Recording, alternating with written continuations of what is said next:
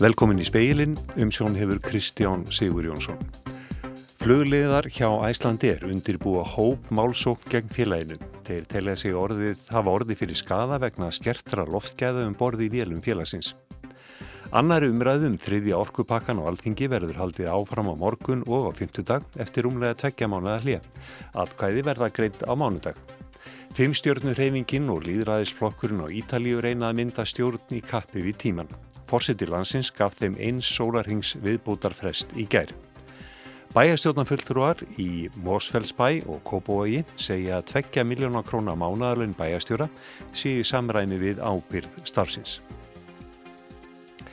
Alþingi kemur saman á morgun og heldur þá áfram umræðum þriðja orkupakkan. Málið verður áframrætt á fymtudag. Eftir helgi verður svo gengi til atkvæða. Samkvæmt heimildum fréttastofi innan úr þingflokkonum er talið örugt að frumvarpið verði samþygt með miklu meiri hluta á mánudaginn. Af átta þingflokkum er aðeins tveir flokkarði mótfallnir, miðflokkurinn og flokkur fólksins. Þeir telja samtals 11 þingmenn. Tveir aðrir þingmenn þar af einn stjórnarþingmaður hafi líst anstöðu við málið Ásmundur Fridriksson í sjálfstæðisflokki og Jón Þór Ólásson Pírati. Ásmundur hefur ekki gefið upp hvort hann ætla að sitja hjá í atkvæði greiðslinu eða greiða atkvæði gegn frumarpinu. Jón Þór segist ætla að greiða atkvæði gegn því. Annar pírati, Björn Levi Gunnarsson, hefur ekki gert upp hugsin hvort hann greiði atkvæði með því eða sitti hjá og Þórhildur Sunna Ævarsdóttir, þingflokksformaður pírata, verður fjárverandi og greiðir ekki atkvæði.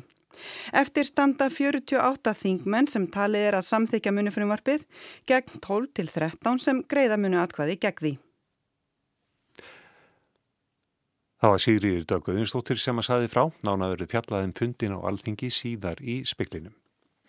Hóp Málsók gegn Æslandir er í undibúningi af hálfu flugliða sem telja sig hafa orði fyrir skada vegna skertra loftgæða um borði í vélum félagsins.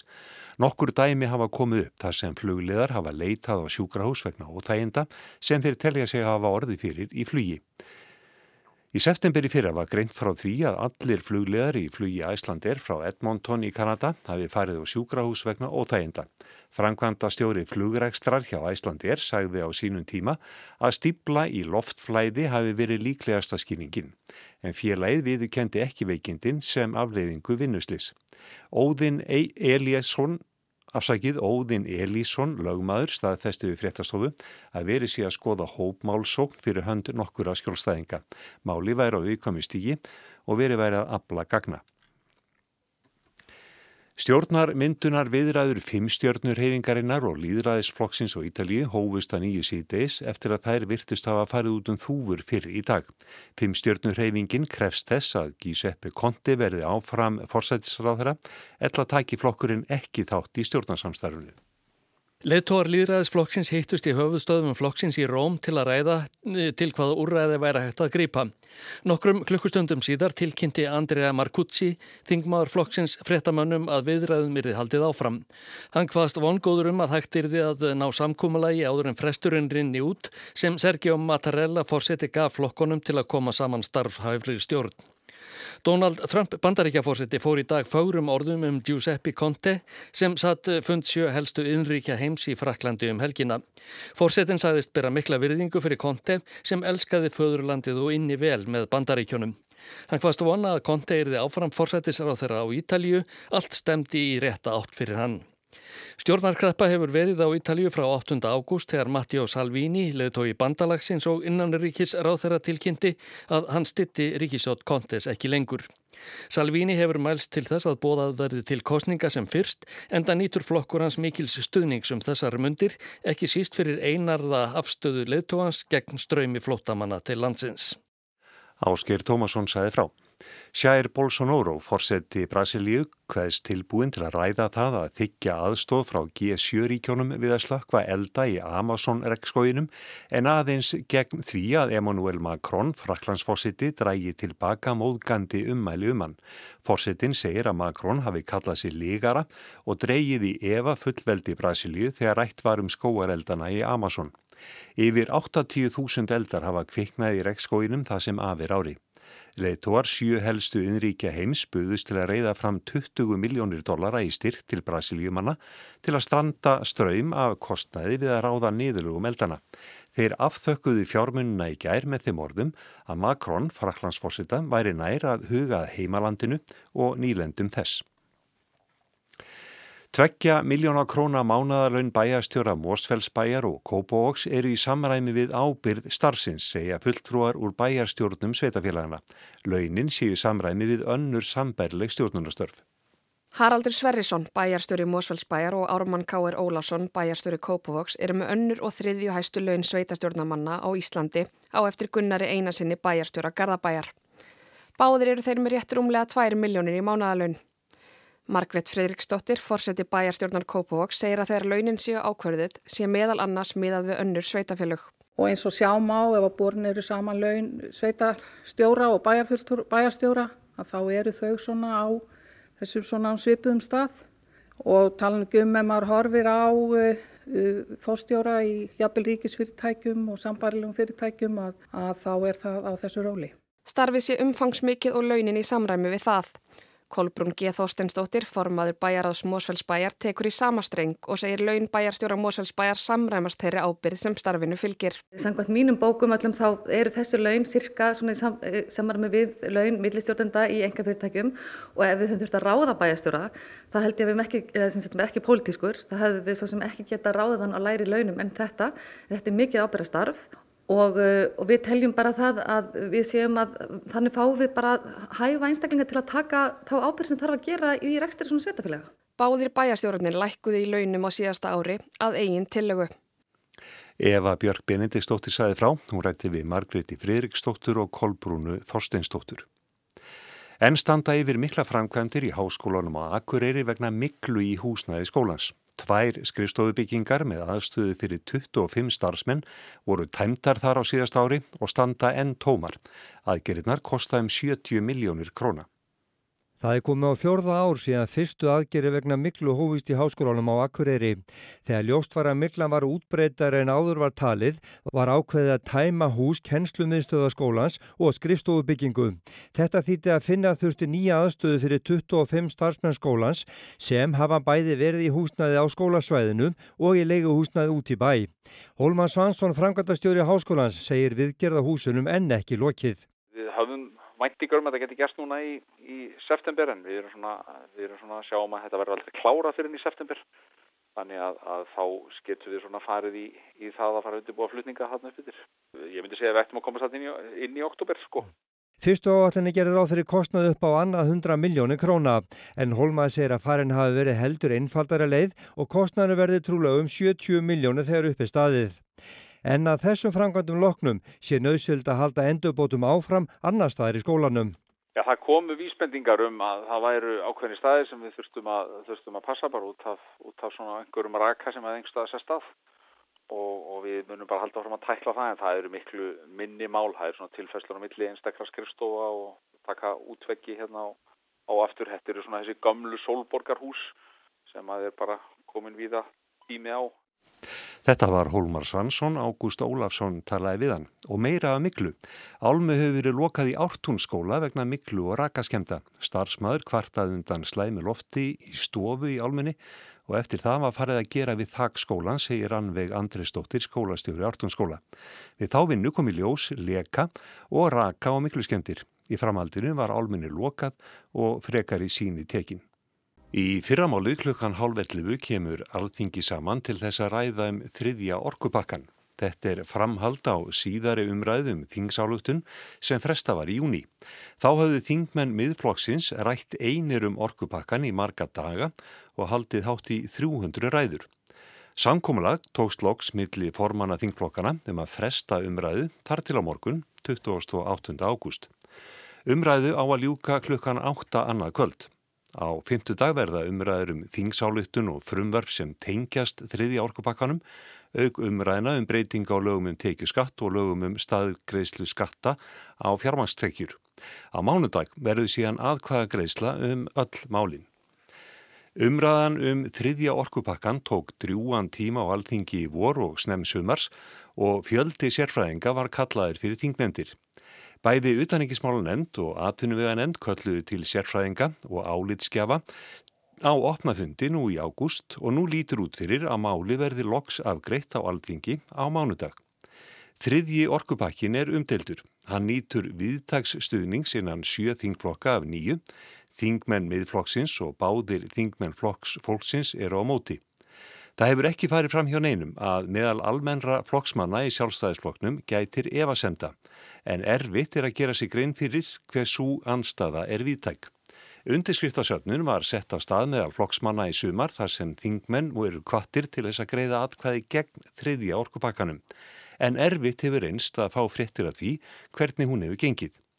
Þingflokkurinn virðist einhuga um að samþykja þingsálitununa. Og hingað eru þau komin Inga Sæland, þingmaður flokksfólksins og Pál Magnússon, þingmaður sjálfstæðisflokksins. En áður við byrjum skulum við huga öllitið að því hvað felst í þessum þriðja orkupakka. Birgir Þór Harðarsson, fréttamaður.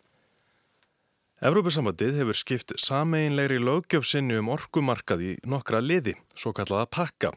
Orkupakkarnir eru þegar ornir þrýr og hafa öll ríki ESB og EES samþygt og innleitt alla pakkana fyrir utan Ísland sem á enn eftir að innlega þriðja pakkan. Lógjöfinni er skipt upp með þessum hætti til þess að einfalda innleiðingu og aðlugun á markaði. Saman skapa orkupakkarnir sameiginlegan markað með raforku og gas, þvert á landamæri aðildaríkja Evróska efnahagsvæðisins sem Ísland á aðildað. Fyrsti pakkin var samþyktur á tíunda áratögnum en þar hófst vinna við að gera orkumarkaði í Evrópu aðgengilegri fyrir nýja samkeppni enda höfðu markaðsráðandi fyrirtæki ráði þar lögum og lofum.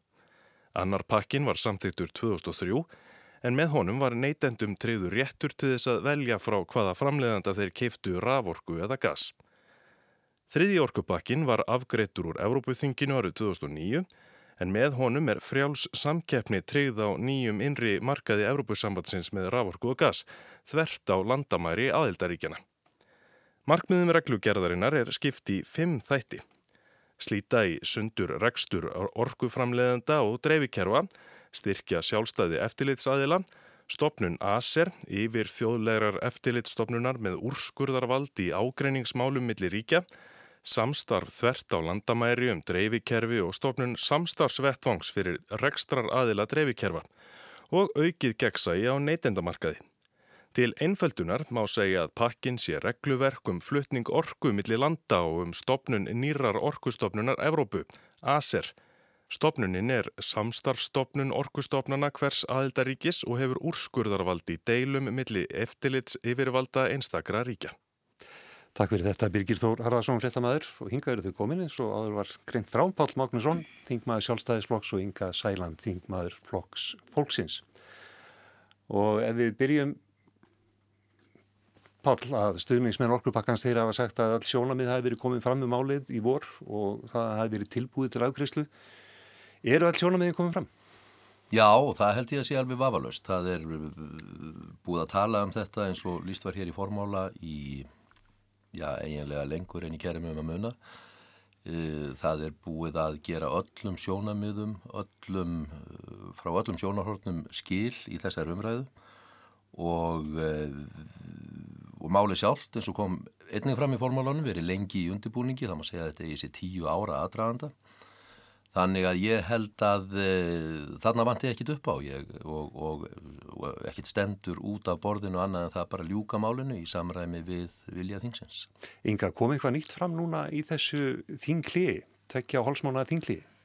Sko það sem að, e, mér langar nú að byrja á að tala um langa aðdragandan Eh, sem að í rauninni var nú þannig að fyrir síðustu eh, alþingiskostningar þá eh, vissi engin landsmaður af til vist þriði orkupakkans en það var ekki um hann rætt og það sem að grundvöldinni snýst um hvort að við erum búin að fá svör við öllu og öllu mögulegu og ómögulegu þá er staðrættin aðeins einn og einn spurning er þessi viljum við og eigum við erindi inn á sameigilegan innri orkumarkað Evrópu.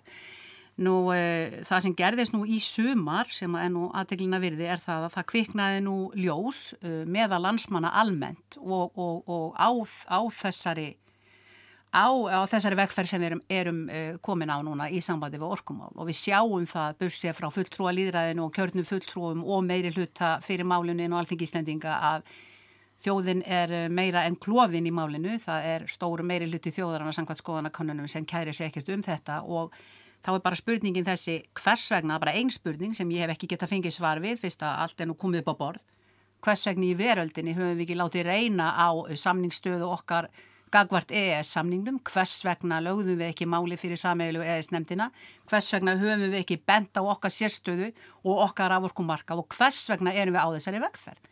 Það er nú eiginlega, þetta, eru, þetta eru spurningar sem að mér ætti nú gaman að, að hérna, einhver geti svarað af, af þeim stjórnarliðum sem í rauninni róa af því öllum árum að koma okkur undir eh, yfir þjóðlegt eh, bóðvald með orkun okkar.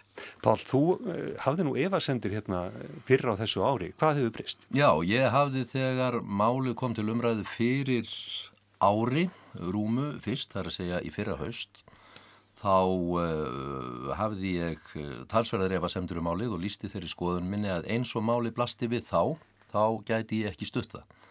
Og það var engum af þremur ástæðum. Í fyrsta lagi virtust vera áhöldum það uh, hvort að í pakkanum fælist eitthvað að valda framsala það væri ekki samræmi við stjórnarskrána. Í öðru lagi e, virtist ekki vera alveg ljóst þá hvar endanlegt vald, ákvörðunarvald um það hvort lagður eru þið sæstrengur eða ekki, hvar það lægi. Og í þriðja lægi virtist heldur ekki vera alveg á hreinu hvort að, að jafnvel þó að sæstrengurinn væri ekki fyrir hendi, hvort að við væri með einhverjum hætti undirselt raforku pólitíknir í Evrópu, til dæmis varðandi verðlækningu, gætu við ekki tekið ákverðunum það til dæmis ef við svo kjósum að það sé sama verð á rafmagni til allra landsmanna. Nú það er skemmst frá því að segja að eftir að þessar efasendir komið fram þá var þeim öllum svarað á næstu vikum og mánuðum þar á eftir. Í fyrsta lagi þá úrskurðuðu þeir tveir menn eða þeir, þeir, þeir sem lengt og ég hallaði mér að þeir, þeim uh, fræðimönnum, varandi stjórnarskraf þáttinn í þessu, sem lengst höfðu gengið til að verja stjórnarskrafna, það er að segja Stefánum og Stefánsinn og Fríðrik Hist. Þeir voru beðnir um að búa, og þeir höfðu efasemtur um það, að þetta stæði stjórnarskraf. Þeir voru beðnir um að búa málið í þann búning að það stæði stjórnarskrafna. Það var gert. Í öðru lagi likur svo fyrir sameinlegu skilningur orkumálastjóra Evrópu og okkar hér að endanlegt ákvörðun á valdum það hvort lagður verði sæstrengur og við tengjumst þessu sameinlega kerfi, hvort að hann verði lagður eða ekki, endanlega ákvörðun um það, endalegt ákvörðun á vald likur bara hjá alþingi Íslendinga og hverki annars þar. Og í þriðja lagi likur það fyrir að meðan ekki er sæstrengur að þá eru við í engu undirselt þessari raforkupólitíknir í Evrópu. Þar með talið erum við ekki undirseld valdi EISER eða úrskurðarvaldi þessar ork, samílu orkumálastofnunar Evrópu, EISER, sem oft hefur verið vitna til. Þar með var búið að svara efnislega öllum þeim þrýþættu efasemdum sem ég hafði um málið og ég á ekki neinum andamálu með þetta mál efnislega lengur. En Inga, þú ert ekki sátt við þetta? Nei, alls ekki og ég er heldur ekki sammála því sem að Pátt segir að öllu leiti. Eitt er alveg vist að það fer ekkert á milli mála að það eru við sem eru fullvalda líki og ráðum því hvort að hinga verður lagðu sæstringur. Það er, það er aldrei, við, ég hef ekki velst í nefnum vafa. Þannig við erum sammála um það? Við erum alveg sammála um það. Mm -hmm. En við erum líka sammála, hljóttum að líka geta verið sammála um það að við getum ekki komið vekk fyrir það að eh, aðilar sem er að keppa á markaði eh, um vöru og, og sam, samanber EES sam, samstarfið okkar og fjórfélagsi að þeir leiti réttarsins fyrir óvilhöldnum domstóli, eftir domstólnum eða farið með fyrir þessa, um það hvort að Íslenska ríkinu sé heimilt að hamla þeim að koma vörunni sinn á marka. Þar í rauninni e, stendur nýfunni kunni hvað mig varðar.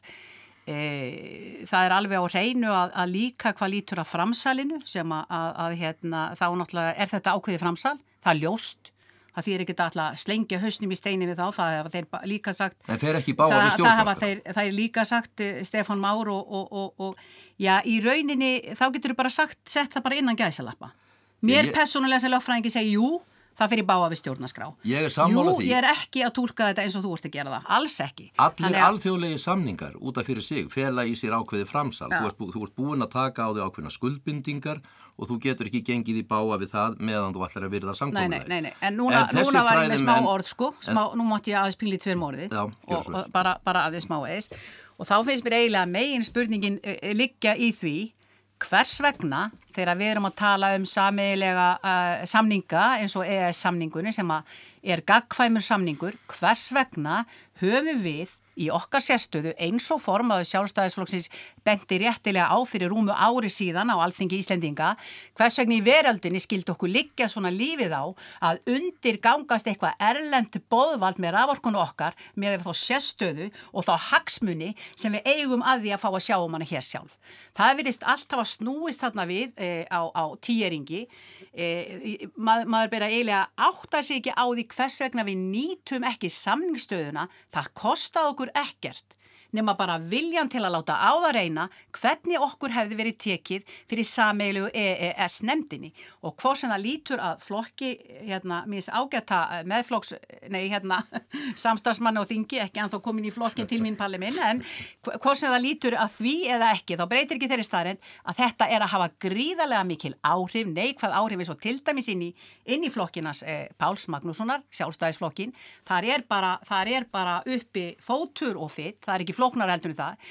Það, það er hérna, við lögðum fram tillögu hér í vor, uh, þingsáleiktun um það að þessi orkupakki erði uh, settur í þjóðaratkvæðagreyslu, ég fekk nú ekki einu svona mæla fyrir honum, nú erum við komið með aðra tillögu sem ég mun uh, breytingar á þingsáleiktunum sem ég fer fram núna á feimtudaginn sem að voru líka komna fyrir þingið uh, núna í vor um það í staðis að það sé alþingi Íslendinga sem takja ákvörðunum hvort ynga verið lagður sæstrengur, þá fær það líka í þjóðratkvæðagreyslu. Þetta er eitt af því, þeim málum, eitt af þessu reysa málum sem að mér finnst á flokki fólksins og uglust fleirum og sennilega helmingnum að sjálfstæðisflokknum í það mista, ástæða til þess að þjóðin fái að segja loka orðið um. Þannig að fyrst og síðast, hvers vegna, hvers vegna Pál Magnússon var ekki látið reyna á þetta einfallega fyrir EES-nemndinni og tekið á, um, tekist á um það hver hinn eiginlega samningsstað okkar ístendinga er gagvart EES-samkomulægin. Það, það er einfallega vegna þess að það er ekkert málsadriði þarna sem þarf eitthvað úrskur þar. Ekki nema þjóðunni bara algjörlega og Já, það, við, við, ég held að þetta sé nú mikla ríkir að segja. Allavega 70%. Ekki einu sinni flokkurum minnur á hlýðinu. Hann er á hlýðinu, hann stendur á höndum. Það eru þetta ágreiningur í flokknum um þetta mál eins og bara ímessönu mál sem uppkoma Aldrei ágreiningu hjá okkur hérna guðmyndinga, við erum bara tvö, þetta er svo gott Já, þetta er þægilegt hjá ykkur, við erum sem betur fyrir fleiri en þetta er, þetta er ekkert er ekkert öðruvís en það, þetta mál er algjörlega fullrætt, þetta er búið að vera hér í undirbúning í tíu ár, það er ekkert efnisadriði málsins sem þarf að fara með aftur fyrir saminlegu EES-nemdina það er ekkert framsal á yfirráðum yfir auðlindum og Íslandi. Það eru engar skuldbindingar, engar, við erum ekki að undrigangast erlend vald í, í sambandi við okkar raforkumál eða nýtingu og auðlindum eða auðlindina, nei við erum heldur ekki að því. Nei og uh, þannig að fyrir mér liggur þetta mál óskup einfallega ljóst fyrir og ekki títi fyrirstöða að afgreða það bara núna á næstu dögum eins og til stendur. Já, ég sé að ynga hristir höfuði en við komumst ekki leið. Nei, nei, bara einn punktur. Gera hann sér grein fyrir að miðflokkurinn er að skora 30% í kjördaminni þínu, Pál. Hvers vegna skildi það nú vera? Já, við, Pál, við skulum býða með að svara þessu. Því að ég, takk fyrir kennaði fyrir, Inga Sæland og Pál Magnusson.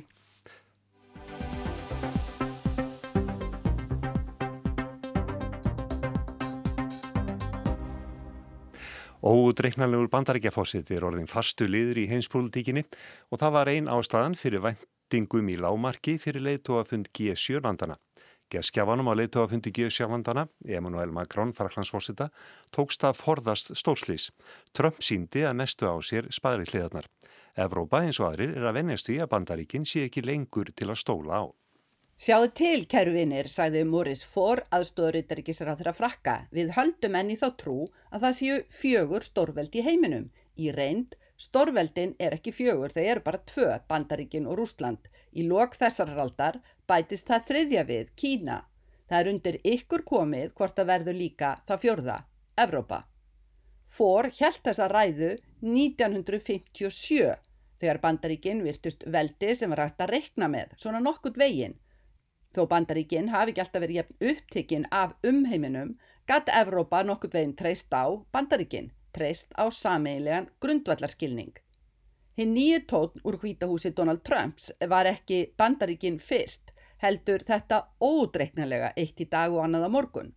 Nokkurum dögum áður en Trump flög á leðtóafund G7 landana í bóði Emmanuel Macrons, fraklandsforsetta, sendi Trump Evrópabúum heldur kaldar kveðjur frá einum af þessum fjöldafundum sem Trump hefur haldið frá upphafi síðustu kostingabaráttu. By the way, the European Union is worse than China.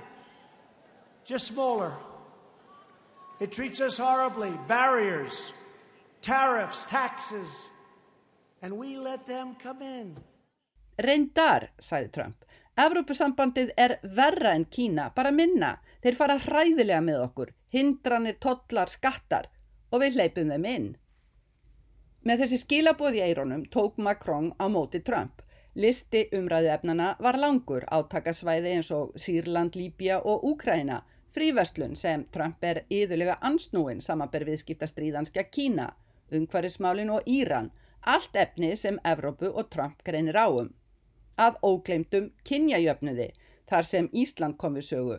Jafnlaun af vottunin íslenska var að sögn kynnt leðtónum, Annað mál hvort vottunin verður tekin upp í Trump fyrirtækjum.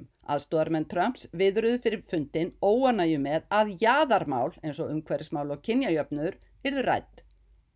Það hefur spurst út að besta ráðið í samskiptu við Trump sé sigur húðað hrós en líka í lagi að vera röglega ósamalónum.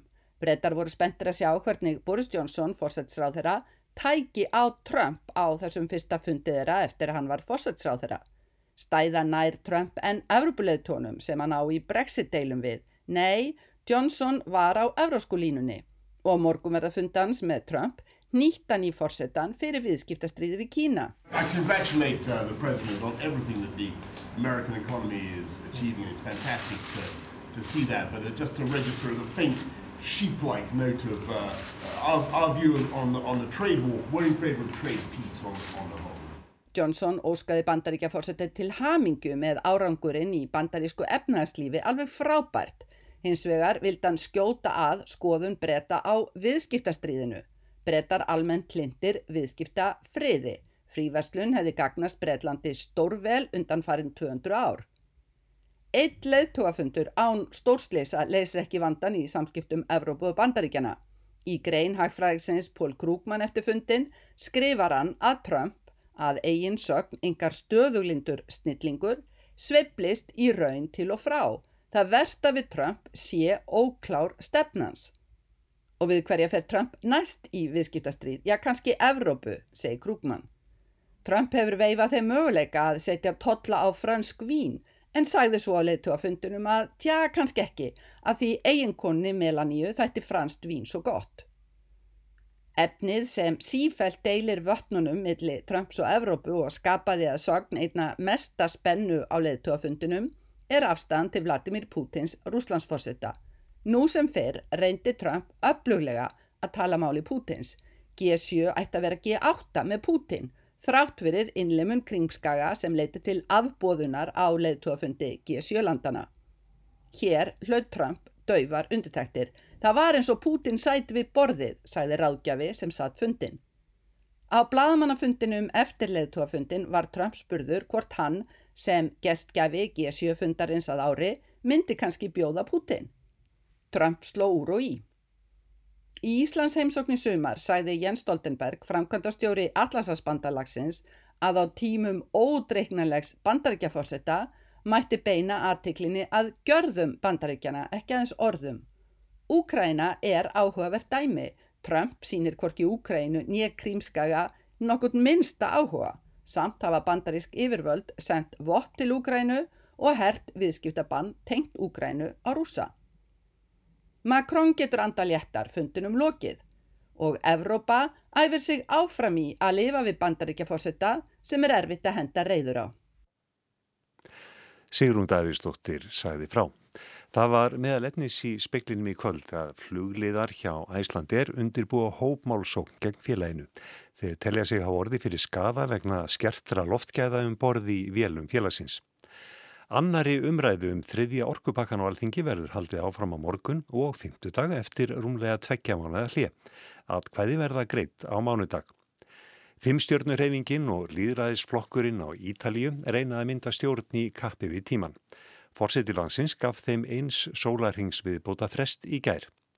Og bæjastjórnan fulltrúar í Mósfellsbæ og Kópavogi segja að 2 miljónar krónar mánaðalun bæjastjóra sé í samræmi við ábyrð starfsins. Það er ekki fleira í speklinum, tæknimaður var Magnús Þorstein Magnússon, veriði sæl.